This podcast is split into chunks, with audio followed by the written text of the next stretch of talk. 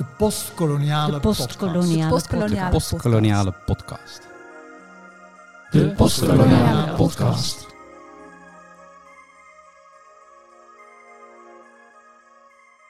In 2020 was het 75 jaar geleden dat Indonesië onafhankelijk werd.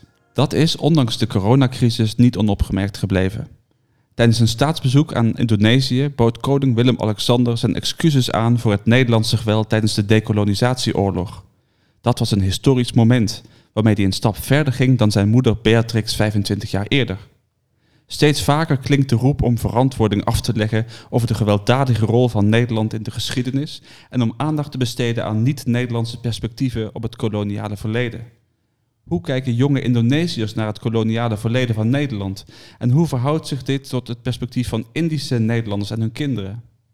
Die vragen bespreken we met Lara Nuberg en Feba Sukmana. Lara Nuberg schrijft en spreekt over koloniale geschiedenis en identiteit en ze publiceert regelmatig in dag- en weekbladen. Momenteel werkt ze aan haar debuutroman die geïnspireerd is op het leven van haar Indische oma. Feba Sukmana is geboren in Jakarta. Zij studeerde Dutch Studies in Leiden en specialiseerde zich in Indische letteren en postkoloniale literatuur. Ze is werkzaam als taaldocent en redacteur van Erasmus Magazine en ze maakte programma's bij de Wereldomroep. Mijn naam is Rick Honings. Mijn naam is Koen van het Veer en dit is de Postkoloniale Podcast, aflevering 6. We praten over Indisch en Indonesisch in Nederland. Welkom eh Feba en eh, Lara. Ehm, ik begin met Lara. Lara, je, wat is jouw persoonlijke band met Nederlands-Indië en Indonesië? Mijn persoonlijke band eh, loopt via mijn moeders tak van de familie. Mijn oma die is geboren in voormalig Nederlands-Indië. En mijn opa was een Joodse man uit Amsterdam die daar als oorlogsvrijwilliger naartoe is gegaan. Daar heeft hij mijn oma ontmoet in Medan in 1946. En uiteindelijk zijn ze getrouwd in Amsterdam. En ehm, ja, ik verhoud me denk ik heel anders tot Indonesië dan mijn grootouders eh, deden. Maar dat is misschien iets voor later. Daar komen we zo nog over te spreken. Eh Feba, eh, je bent geboren in Jakarta. Hoe ben jij in Nederland terechtgekomen? Eh, nou, in eh, 2007 eh, heb ik dan een studiebeurs gekregen om mijn master in Leiden te volgen. Dus dan ben ik hier komen studeren. Ik dacht één jaar blijven, een beetje reizen rond Europa en dan kom ik terug naar mijn moederland. Maar here I am. Toch gebleven. Toch gebleven, ja. Je hebt in Indonesië onderwijs eh, gehad. Onderwijs over het kolonialisme. eh, onderwijs misschien ook over koloniale literatuur. Hoe was dat? Ik had vroeger helemaal geen eh, interesse in geschiedenis, moet ik zeggen. En vervolgens kregen we in Indonesië wel geschiedenislessen, maar dan is het heel erg gericht op jaartal en namen. Dus eh, ik kan nu wel eh, even citeren wanneer JP Koen in Banda was of wanneer eh, werd de grote postweg gebouwd, maar het verhaal eromheen, die heb ik niet meegekregen tijdens mijn tijd in Indonesië. Dus mijn interesse in geschiedenis is gegroeid juist in Nederland. Omdat ik dan zag dat er dan nog heel veel Indonesië in dit land, terwijl Nederland helemaal... Ja, je hoorde nauwelijks over Nederland in Indonesië. Hoe wordt er tegenwoordig gekeken naar de Nederlanders in Indonesië en het Nederlandse koloniale verleden? Het hangt natuurlijk eh, heel erg af van eh, wie je vraagt. Maar ik, denk dat dat in Indonesië een heel du- duidelijk eh, narratief is tot nu toe. Dat, dat de koloniale tijd zeg maar een, een, een, een, een vrede tijd, een, een eh, hele zware tijd voor Indonesië. Dat, eh, dat kan je ook zien eh, in het resultaat van, van de grote enquête van de Volkskrant in samenwerking met Historia eerder dit jaar. Dus Indonesiërs zeggen van ja, Nederlanders waren gemeen, ge- waren wreed. Dat is een heel helder beeld van de koloniale Ja, geschiedenis. ja, precies. En, en, en wat interessant is, als je dan over collectieve herinnering hebt in Indonesië, dan herinneren eh Indonesiërs zich meer over de tijd van ehm, JP Koen of eh, Bos of. Eh, dus dan he- heel erg eh, 1800 tot 1900 in plaats van dat het over 1945 tot, tot en met 1949 Net als hier in Nederland. Ja, dat speelt in Nederland een, een, heel belangrijke rol. Jij zei net al, Lara, dat je heel anders over de koloniale geschiedenis denkt uh, dan jouw opa en oma. Hoe zit dat dan? Ja, dat uh, heeft denk ik te maken met afstand en tijd. Maar ook dat ik geschiedenis heb gestudeerd en al tijdens die studie me meer in het verleden ging verdiepen, maar eigenlijk vooral na mijn studie. En dat heeft mij uh, ja, toch wel doen beseffen dat mijn grootouders vooral naar dat verleden keken vanuit hun eigen ervaring, vanuit eigen herinnering en uh, trauma's die daarbij horen. En um, dat ik met iets meer afstand ernaar kijk en veel meer aandacht ook wil geven aan de context waarin die persoonlijke herinneringen zijn ontstaan. Dus dat maakt dat je het een sluit het ander niet uit, denk ik. Maar het vult elkaar wel aan. En dat leidt, denk ik, voor een breder begrip over wat kolonialisme is en wat dat verleden heeft betekend voor mij, voor mijn familie. En misschien ook voor heel veel andere Indische families in Nederland. Ja, want wat is dat eigenlijk precies Indisch? Ja, dat is dus ook zoiets wat je daardoor denk ik niet zo makkelijk kan beantwoorden. Uh, ik denk dat, dat Indisch is in principe een koloniaal concept, denk ik. En zou dan moeten gaan over alles wat een oorsprong heeft in dat koloniaal bezette Indonesië en wat is meegenomen naar Nederland. En dat verschilt per individu. Nou, als we het dan over jou hebben, voel jij je Indisch of hoe, zit dat? Ja, ik voel me wel Indisch. Ondanks dat ik het ook uh, een hele moeilijke identiteit vind om op mezelf uh, te plakken. Want ik denk altijd, ik ben in, in eerste instantie Amsterdammer. Dat is lekker makkelijk. Dat is een hele multiculturele stad. Daar ben ik opgegroeid, daar ben ik uh, groot geworden. En ik weet hoe ik me daar verhoud in het straatbeeld. En ik ken mijn weg daar, ik voel me daar thuis. En dat Indische is dus toch, juist omdat het ook zo'n koloniale lading heeft, wat moeilijker. Want uh, ik ben niet opgevoed met mijn oma per se constant in de keuken of zo. Dus ik kan helemaal niet goed Indonesisch koken. En als ik dat ga leren, dan voelt het alsof ik iets aan het leren ben wat misschien helemaal niet van oorsprong bij mij hoort, want ik ben er niet mee opgevoed. Dus er zit constant een conflict in ontdekken wat dat is en, en kan zijn, nog steeds. Wat heb je dan meegekregen van dat Indische tijdens je jeugd? Nou ja, dat zou dan vooral een, een verhaal zijn gebaseerd op die ervaring van mijn grootouders. En dat is toch uh, het mooie Indië, uh, een, ja, een kolonie. Nou, überhaupt, wat is een kolonie? Dat werd helemaal niet besproken. Nee, het was gewoon een mooi land waar mijn oma gelukkige jeugd heeft beleefd. En dat ruw werd uh, verstoord door de Japanse bezetting en vervolgens door de Indonesische onafhankelijkheid. En daarmee is mijn oma haar thuisland verloren en moest in Nederland opnieuw beginnen. Dat, dat is hoe het even kort door de bocht aan mij verteld werd.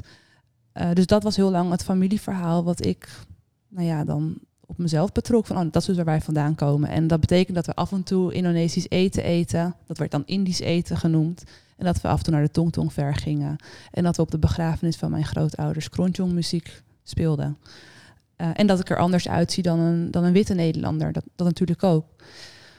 Maar um, ja, is dat dan Indisch? Ja, ik denk het, tot op zekere hoogte. Maar ik denk dat er veel meer over te vertellen valt dan dat. Het is veel meer, meer kleuriger, meer, meer stemmiger dan alleen maar, de, maar dat. Veelzijdiger moet ik misschien zeggen. Ja, en complexer ook. Ja. Hoe kijk jij aan tegen Indische mensen in Nederland als Indonesische? Ja, Lara had mij ook uh, dit, uh, deze vraag uh, een keer gesteld volgens mij. En ja, ik heb, ik heb het toen... Um, uh, uh, wat heb ik toen gezegd uh, tegen jou? Ehm, ik weet het niet meer, maar ik ontmoette laatst iemand die een Indonesische moeder heeft en een Nederlandse vader. En die Indonesische moeder was hier heel lang geleden, of in de jaren negentig komen wonen vanwege die liefde. En die had gezegd tegen de dochter, luister, je bent geen Indo. Indo's zijn sombong. En ik wil niet dat je, dat ben jij niet. Je, wees trots, je bent Indonesisch. En toen dacht ik, ja, ik begrijp ook zo goed waar dat vandaan komt. Ja, ik vind het, um, uh, ik vind uh, Indisch, uh, Indische identiteit heel interessant om, om, om te waarnemen, zeg maar. Want toen ik hier kwam wonen, hoorde ik natuurlijk Indische literatuur en Indische mensen. Aanvankelijk dacht ik dat het gewoon Indonesische mensen. Oh, misschien is dat mijn volk, weet je. En naarmate je dan meer gelezen hebt en meer mensen leren kennen. En, en besef je dat, dat het een heel ander volksgroep is. En ja, hoe kijk ik ernaar? Het is echt. Um, ik snap wel dat. Dat, dat, ze dan in een, in een hele moeilijke positie bevinden, omdat zij dan je bent niet Indonesisch, maar je bent ook niet Nederlands. En kijk, voor, voor mij is het heel duidelijk. Ik, ik, ik heb nooit eh, eh, identiteitscrisis gehad, omdat ik dan zeker weet dat ik, ik ben gewoon Indonesisch. En ik ben hier gewoon buitenlander. En eh, ik hoor hier niet. Dat kan je wel zeggen. Je, bent gewoon buitenstander. Maar voor Indische mensen is dat natuurlijk heel ingewikkeld, omdat ze dan. Je bent wel Nederlands eigenlijk, maar je bent ook niet Nederlands. En, en als je dan de geschiedenis leest over hoe ze dan ontvangen werden in de jaren 50, in de jaren eh, na de oorlog, dan, dan snap je wel eh, dat ze dan met heel veel woede, met heel veel trauma eh, geworsteld hebben. Of nog steeds aan het worstelen zijn. En hoe is het dan om als Indonesische in Nederland te leven? Je hebt ook een, eh, een roman hè, geschreven over je leven in, eh, in Nederland. Oh nee, nee, nee, nee, dat is niet over mij. Nou ja, over een Indonesische en haar leven Ja. in Nederland. Ja, ik denk dat het niet, eh, n- niet bijzonder in de zin van dat het gewoon een leven van een immigrant is. Ik bedoel, ik heb helemaal geen bagage ehm, die ik dan mee- meeneem, meenam uit Indonesië, net als Indische mensen. Dus ehm, er is ook een, een, een, eh, een verschil tussen willen en moeten. Ik wil hier zijn. Dus dan vertrok ik gewoon uit mijn land en dan blijf ik hier wonen. Maar Indische mensen aan de andere kant, ze moesten weg. Dus het gevoel zit ook heel anders in elkaar. Ik bedoel, als ik wil, dan kan ik gewoon altijd terug naar mijn land en dan kan ik daar een leven beginnen. En, maar terug naar je vraag, hoe het eh, voelt eh, als Indonesisch hier in Nederland. Ja, tot nu toe gaat het wel goed. En eh, eh, veel mensen, veel, veel mensen eh, denken ook dat ik, dat ik Indisch ben. Misschien maakt het dan makkelijker voor mij, omdat ik ook de taal spreek. En soms denken ze dat ik Indisch ben. Dus dan heb ik het gevoel dat ik meer geaccepteerd ben of zo in Nederland, in zekere zin. Lara, ik heb het idee dat jij ook actief op zoek bent gegaan naar het Indonesische. Je hebt een boek gemaakt samen met, met een, een. Wat voor soort boek is dat? Ja, dat boek heb ik met Lala Bohang gemaakt. Hoe heet het boek? Nou, het heet in de Nederlandse vertaling heet In haar voetsporen. En het eh, was oorspronkelijk in het Engels geschreven eh, The Journey of Belonging. En ja, het, het, is, het is een beetje een gek boek, want het is niet één soort verhaallijn. Het is, eh, bestaat uit verschillende hoofdstukken met verschillende vormen van tekst eigenlijk. Dus het eerste deel is ehm, eh, een deel waarin we ons aan elkaar voorstellen. Dus Lala als Indonesische kunstenares en schrijfster aan de ene kant en ik dan vanuit een Nederlands of een Indische, Indisch perspectief aan de andere kant. Dan hebben we ook recepten gedeeld vanuit eh, onze grootmoeders. We volgen eigenlijk de, de familielijn van onze moeders in het verhaal. En vervolgens eh, is er een briefwisseling opgenomen waar- waarin we reflecteren op de vraag hoe het koloniale verleden onze levens heeft beïnvloed. Wat, wat deed dat boek met je? Wat deed het met je om dat boek te maken?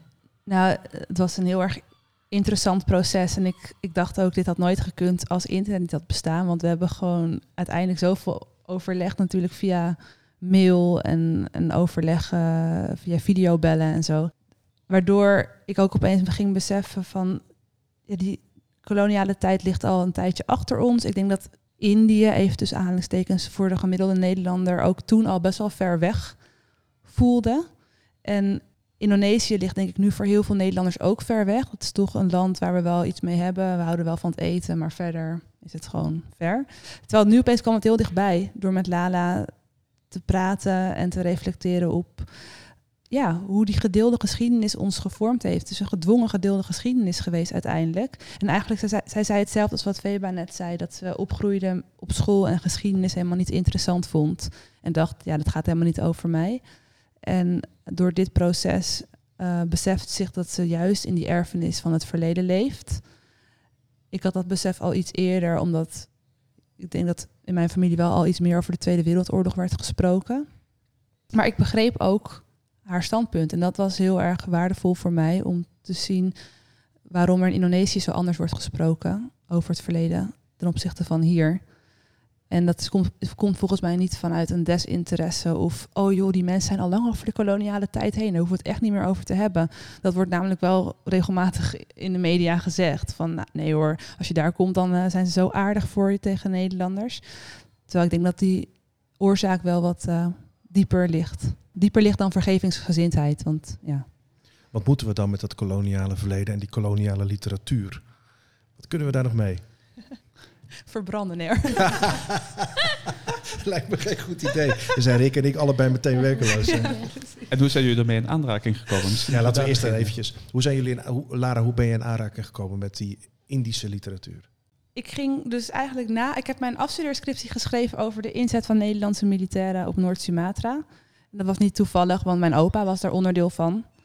Eh, en toen na, na mijn studie ben ik pas me meer gaan verdiepen in de literatuur over eh, voormalig Nederlands-Indië en Indonesië. En dat kwam eigenlijk omdat ik eh, twee jaar na mijn afstuderen door Indonesië reisde.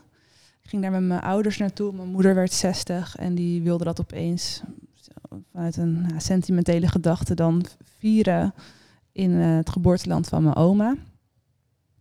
En toen dacht ik, ehm, ik was daar toen voor de tweede keer en toen werd ik voor de tweede keer eigenlijk overvallen door het besef dat ik eigenlijk zo weinig weet. En toen ben ik bij thuiskomst eh, ja, boeken gaan verzamelen. En in de eerste instantie kom je dan al heel snel uit bij Couperus, Rubber, De Heren van de Thee, Multatuli. Multatuli. En pas veel later bij een Pramuja Anantatur of een uh, Suwarsi Jojo Puspito, of pas weer veel later. Dus zo, en, en ook natuurlijk Charlie Robinson, Alfred Burney, Marion Bloem. En toen je die boeken las, sprak je dat aan? Of vond je daar iets in wat je waardeerde of juist niet? Ja, dat vind ik een moeilijke vraag. Waarderen vind ik zo vind ik moeilijk daarin. Het was voor mij, ik zie, ik zie al die boeken als historische bronnen. Ik denk niet dat, je ze, dat ik ze kan lezen. Tuurlijk, aan de ene kant kan je het lezen als een soort als een kunstwerk. Bedoel, literatuur is ook kunst. Maar voor mij zijn het wel voornamelijk eh, ja, historische bronnen. Waar ik niet per se een waarheid uithaal, maar meer eh, een idee van krijg van hoe er werd gedacht in die tijd. En hoe dat voor schrijvers dan werd omgezet in, in literatuur. En hoe zit dat voor jou, Feba? Uh, nou, uh, ik heb uh, in Indonesië Nederlandse taal en literatuur gestudeerd. dat was mijn bachelor. En toen moesten we ook allerlei boeken uit Indische literatuur lezen. En ja, het, het, het, was heel raar om te lezen. ik heb bijvoorbeeld Guna Guna gelezen of Uruk gelezen. Maar ik, herken me, ik herkende mezelf niet in de boeken. En ze, ze, ze, ze, hadden het over Indonesië en het mooie Indië en Guna Guna en uh, mooie vrouwen. Maar het is niet mijn land die, dat ze dan uh, in het boek beschreven hebben. Het, het, is ook heel orientalistische blik, als ik dat mag zeggen. En, uh, en toen ben ik hier komen studeren natuurlijk. En toen kom, kom ik, kwam ik ook in aanraking met bijvoorbeeld Lin Scholte. Uh, dat vind ik wel uh, verfrissend. Want Lin Scholte, die, uh, zij schrijft dan haar eigen ervaringen. Maar dat, dat, dat was meer, um, ik, ik weet niet, een soort van puur of zo. Uit ervaringen zonder al te veel ode aan Indië. Zonder al te veel romantische gevoelens over het verleden. Dus daar heb ik ook mijn, mijn scriptie over geschreven.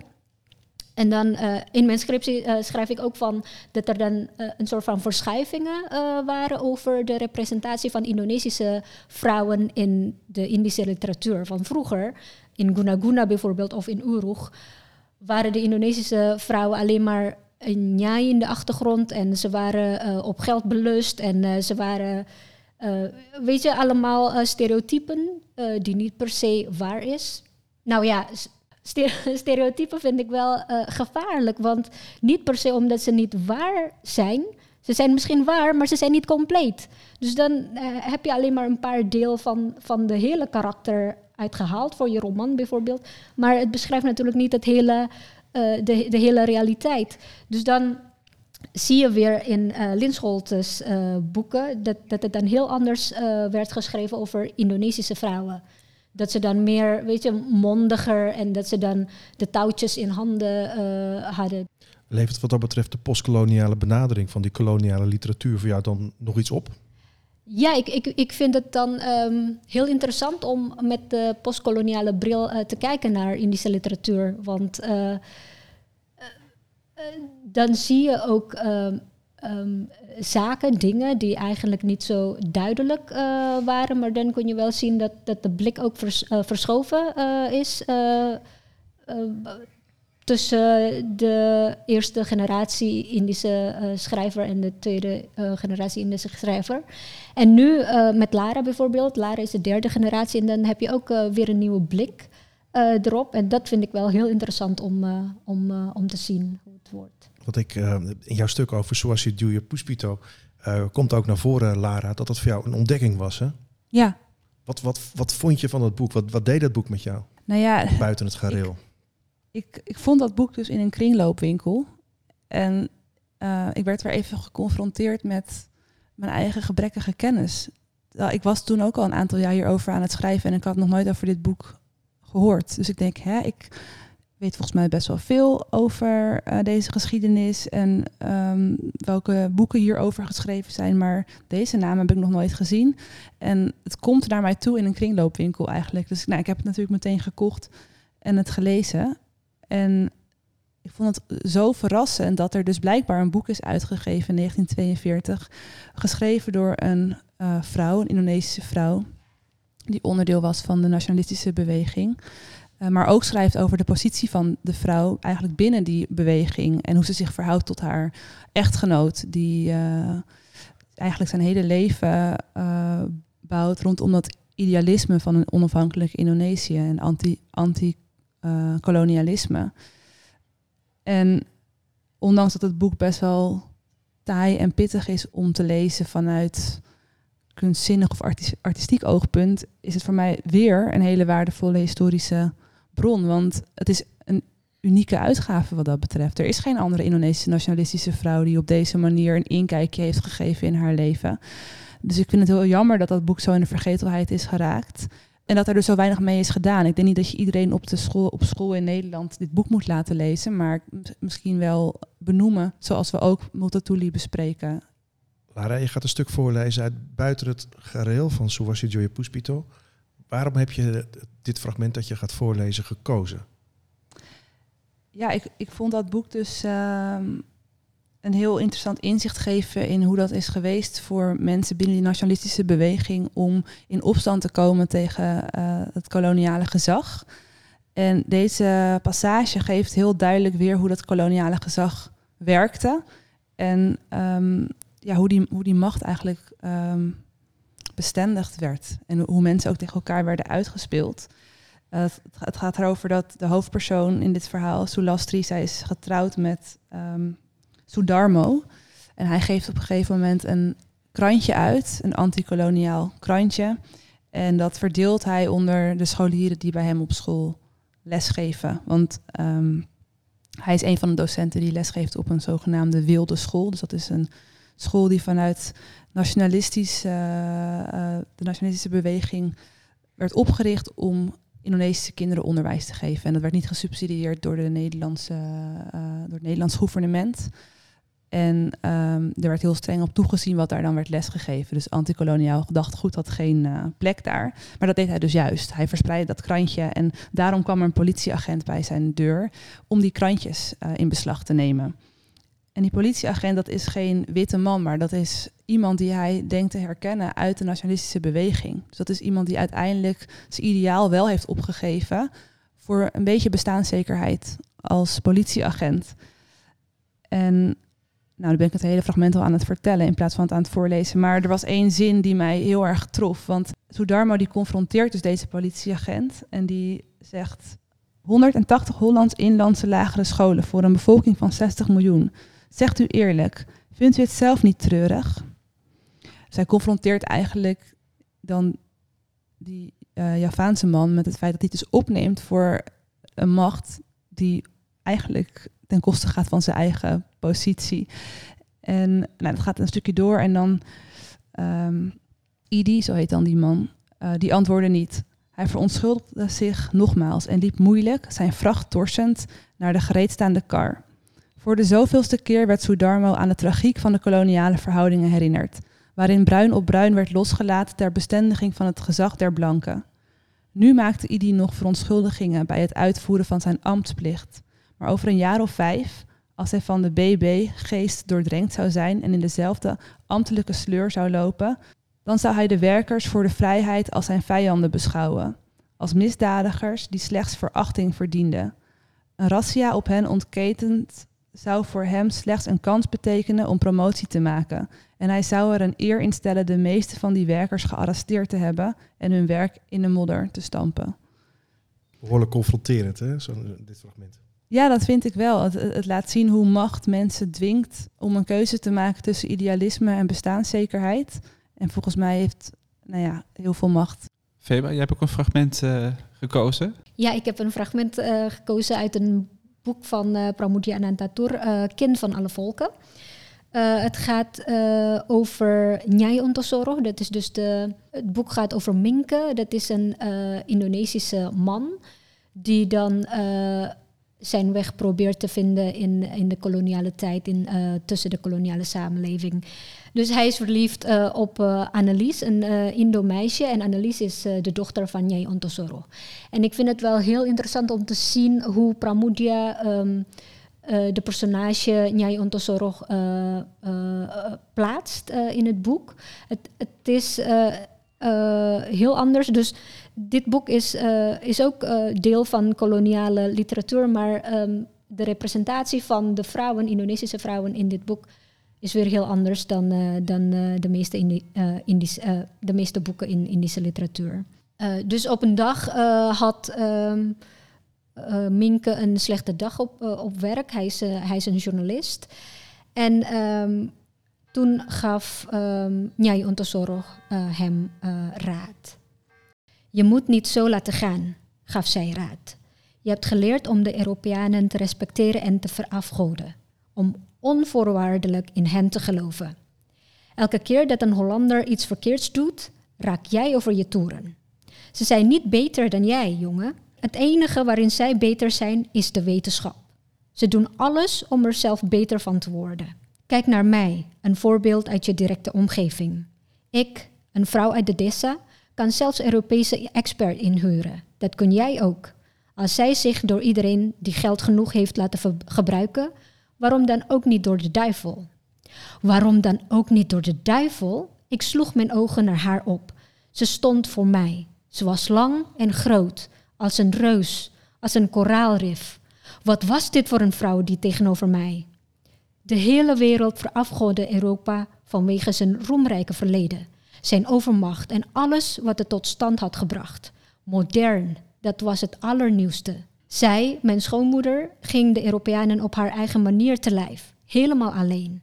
Mijn gedachten dwaalden af naar de anonieme brochure die ik van Magda Peters had gekregen en waarin onder andere stond dat de inlanders, vooral de Javanen, door de nederlagen in de afgelopen eeuwen gedwongen waren de suprematie van Europa te erkennen en tevens zichzelf te verachten.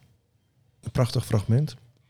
De vraag die bij mij dan eh, gaat spelen is Lara, wat kunnen we nog met koloniale literatuur?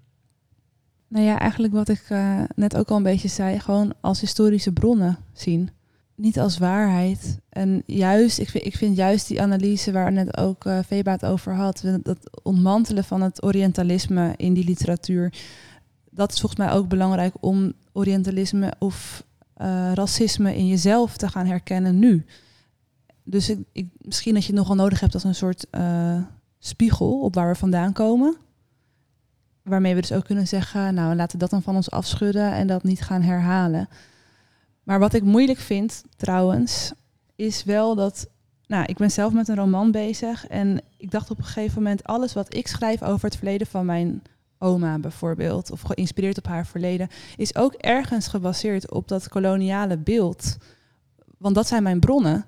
Dus inderdaad, hoe schrijf je dan over koloniaal uh, Indonesië, zonder dat te gaan herhalen. Voor mij heeft het toegeleid dat ik een hele verhaallijn heb, eruit heb, heb gesloopt. Omdat ik dacht, ja nee, ik ga dat niet, ik wil dat niet herhalen, die stereotyperingen. En ja, waar put je je fantasie uit als je schrijft over die tijd? Dat vind ik wel een hele interessante vraag. Dus ze zijn niet zo onschuldig, die, die, die, die literatuur. daar moet je wel rekening mee houden, denk ik. En hoe probeer je dat dan op te lossen in je eigen werk? ja, ik, stem te ik, geven? Ik, ik, probeer ook niet. Ik, ik, daarom is me, dat, dat boek waar ik aan werk, wordt toch wel een verhaal dat heel erg is geschreven vanuit mezelf. Uh, en dat is enerzijds kan je denken, ja, dat is beperkend, want als auteur moet je juist kunnen inleven in, in je personage. Maar als mijn personage geïnspireerd moet zijn of gebaseerd moet zijn op koloniale bronnen, in hoeverre kan het dan een compleet personage worden? Dus ik probeer dan, als ik dat doe, daar heel erg aan voorbij te, te kijken en echt te denken van nee, weet je, die dingen over een paradijselijk Indië en zo, tuurlijk, dat kan onderdeel zijn van iemands eh, imaginaire wereld, maar dat is niet de wereld waarin dat heeft plaatsgevonden. Hoe zie jij, Feba, dat? Hoe zie jij de rol van literatuur, eh, van koloniale literatuur in onze postkoloniale maatschappij? Ik vind het eigenlijk wel belangrijk, want ik zelf, ehm, ja, min of meer heb ik dan geschiedenis geleerd van literatuur. Dus Indische literatuur is eigenlijk mijn startpunt wanneer ik dan uh, pas uh, een, uh, een, interesse ging ontwikkelen over de geschiedenis. Dus dan, omdat ik dan heel veel dingen heb gelezen in de Indische literatuur. En toen dacht ik van ja, maar dit, dit, dit, klopt toch niet? En toen ging ik dan pas zoeken van ja, maar hoe zit het dan eigenlijk met, met het verhaal in mijn eigen land? En toen ben ik pas dan. Uh, op onderzoek uh, ging, zeg maar, van hoe geschiedenis in elkaar zit. Je moet ook de rol van literatuur niet bagatelliseren in, in, in de geschiedenis of in de ontwikkeling van de wereld van nu. Want het, het draagt wel heel veel dingen bij. Misschien is het niet, net als wat Lara zei, van je moet het niet als waarheid um, nemen, maar, maar het geeft dan wel weer uh, hoe, uh, hoe mensen in die tijd dan naar, naar de situatie kijken. Hoe, hoe koloniaal het ook is. Het, het is wel deel van het narratief van toen. En dat kunnen we wel bekijken met de ogen van nu. Eigenlijk, ja, mensen vragen natuurlijk van ja, maar moeten we dan uh, met de bril van vandaag naar de geschiedenis kijken of naar de koloniale tijd kijken? Juist wel, vind ik. Want um, je leert geschiedenis, je leert literatuur om om de wereld te kunnen begrijpen, waarom de wereld uh, uh, zo werkt zoals nu. Dus dan vind ik dat, dat je dan juist met de bril van nu naar, de, naar het verleden moet kijken. Van wat was er dan toen mis en uh, hoe kunnen we dan beter doen? Hoe, kunnen we dan, hoe kijken we ernaar zodat we dan niet dezelfde fouten maken? Hoe vindt u dat Nederland omgaat met zijn koloniale verleden? Anno 2022? Uh, uh, heel vaag. ja, vertel. nou ja, um, ik, ik, volg natuurlijk de ontwikkeling met, uh, met enthousiasme. In de zin van dat ik dan nu zie dat heel veel dingen aan het veranderen zijn. Dat de blik, dat het Nederlandse blik aan het veranderen is. Maar als je dan over de politiek hebt. Dan, is het, dan blijft het natuurlijk heel vaag. de koning heeft dan excuses aangeboden, maar waarvoor? En uh, wat is er dan de, de um, consequentie van? Alleen maar mooie praatjes, dan heb je denk ik helemaal niks aan. Vind je dat de, dat de Nederlandse regering excuses zou moeten maken voor het koloniale verleden? Uh, nou, voor mij is het wel belangrijker dan dat Nederland uh, 17 augustus uh, 1945 erkent als Indonesische onafhankelijkheidsdag. Um, excu excuses, ja, maar wat heb je dan uh, eraan als het dan alleen maar excuses is? Hoe zie jij dat, uh, Lara? Ja, ik, ik, denk dat wij in Nederland heel oppervlakkig omgaan met ons koloniale verleden. Zelfs ondanks de toegenomen aandacht. Ik vind die aandacht heel erg selectief. Dus het gaat heel vaak over het slavernijverleden of periode 45-49 als het gaat om Indonesië. Dan zeggen we nu opeens, oh ja, nou, dat hebben we niet zo netjes gedaan. En um, dat is dan nu ook het regeringsstandpunt van ja, we hebben ons erg misdragen in die, in die vier, vijf jaar. Um, dat is niet het koloniale verleden, die vier, vijf jaar. Het is een sluitstuk van een koloniale periode, maar dat is niet het verleden. Dus dat je dan daarover meer gaat praten, dat, dat zie, ik, zie er, ik zie er geen verandering in plaatsvinden in een soort collectief bewustzijn of Nederlands zelfbeeld. Hoe zouden we dat kunnen bereiken? Moeten we bijvoorbeeld de archieven in uh, van, van de KB, de Asian Library, uh, moeten we meer literatuur gaan bestuderen? Moeten we, moeten we een, een, brede dialoog gaan beginnen? Wat zou een oplossing zijn om uit deze impasse te geraken? Ja, uh, witte onschuld ontmantelen. Hoe doen we dat? Hoe doen we maar dat? hoe doe je dat? Nou ja, ik vind het altijd interessant om te kijken naar Duitsland daarin. Ik heb het idee dat uh, de manier waarop er met Duitsland, waarop er in Duitsland wordt omgegaan met het verleden, dat is toch heel anders dan hoe wij naar het koloniale verleden kijken van onszelf als Nederland. En uh, daar kunnen we misschien wat van leren. Maar ja, ik weet niet zo goed hoe dat komt. Of dat, dat Nederlanders gewoon een beetje een arrogant volkje zijn. dat- Ik vind Ja. het wel heel interessant dat je zegt dat, eh, dat het met zelfbeeld van Nederlanders te maken heeft. Want dat, dat denk ik ook. Want Nederland zich, eh, zie- ziet zichzelf natuurlijk graag als een eh, tolerant land en eh, heel erg progressief en zo. Dus dat koloniale verleden past er niet met, eh, met het beeld van, eh, van Nederland. Dus misschien daardoor is het dan heel erg moeilijk eh, om, om, om de zwarte bladzijde van de geschiedenis te erkennen. Of, Ja, of het, doet gewoon heel weinig. Ook, ik merk het ook als ik het aan mensen uitleg, dat ik me dan bijna begin te schamen voor hoe erg dit voor mij invloed op mijn leven heeft. Dat, dat, dat er echt wordt gezegd van ja, maar, maar je bent ook helemaal niet Indisch, je bent gewoon Nederlands. Of, eh, dat, zelfs mijn eigen vader kan dat soort dingen zeggen. Sorry papa als je dit luistert. Ik heb het nu eventjes geëxposed. Maar die kan echt tegen mij zeggen van... hé, maar waarom voel je je nou eigenlijk Indisch? Of waarom doe je daar zoveel mee? Want je bent toch gewoon een Nederlander? Waar zouden we over tien jaar moeten staan, Lara, volgens jou? Nou, ik- ja, ik maak me best wel zorgen eigenlijk om de ontwikkelingen. In, eh, niet alleen in Nederland, maar wereldwijd. Ik denk aan de ene kant zie je een beweging die zich ook globaal organiseert en die dat koloniale wereldbeeld uitdaagt. Antiracismebeweging is natuurlijk wereldwijd. eh, decolonisatie en antikoloniaal gedachtegoed, anticapitalistisch gedachtegoed verenigt zich ook wereldwijd. Maar aan de andere kant zie je natuurlijk ook aan de andere kant van het spectrum het is misschien ook juist een reactie op het feit dat ik ook heel veel nationalisme zie toenemen, populisme. eh, dus kom je bij dat heerlijke woord polarisatie terecht. Maar dat is natuurlijk wel wat er, wat er gaande is. En uiteindelijk in Nederland we hebben een knijterrechts kabinet. Dus, eh, en het, en het, het hele gesprek schuift zich steeds meer op naar ehm, partijen aan de, de rechterkant van het spectrum. Dus ja, waar we zouden moeten staan over tien jaar is niet waar we nu naartoe bewegen, volgens mij. Dus ik denk dat het des te belangrijker is om eh, te blijven benadrukken dat de wereld niet gecentraliseerd is rondom Europa. Feba, zou er meer aandacht moeten komen voor Indonesische stemmen? Je vertelde dat je zelf in de Asian Library onderzoek hebt gedaan naar de brieven van Kartini. ja, ja. Wat zouden die ons kunnen leren met het oog op ons koloniale verleden? wat we dan kunnen leren van Cartini is dat ze dan toen ook eh, heeft ze dan al heel veel kritiek eh, geleverd over het kolonialisme en over de Nederlanders en hoe eurocentrisch alles was. En ehm, ik heb het idee dat hier eh, de mening heerst dat de antikoloniale houding of, van de Indonesiërs pas in de jaren 40, eh, 1945 plotseling ehm, eh, tot stand eh, was gekomen. Terwijl als je dan terugkijkt in de literatuur, er, er waren al heel veel kritiek al vanaf het begin van, eh, van 1900. Dus dan kwam de Indonesische beweging zeg maar niet plotseling. En dat besef eh, heeft niet eh, alle Nederlander, denk ik.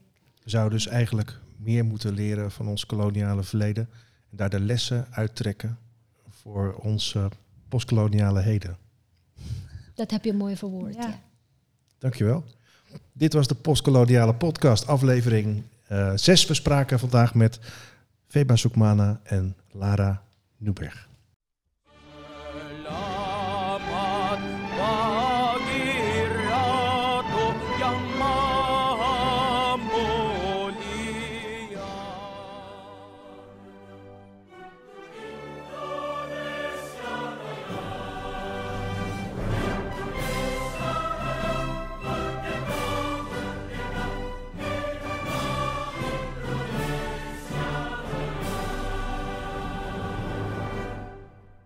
Postkoloniale podcast werd gemaakt in het kader van het NWO-VIDI-project Voicing the Colony Travelers in the Dutch East Indies, dat aan de Universiteit Leiden wordt uitgevoerd binnen het Leiden University Center for the Arts in Society, LUCAS.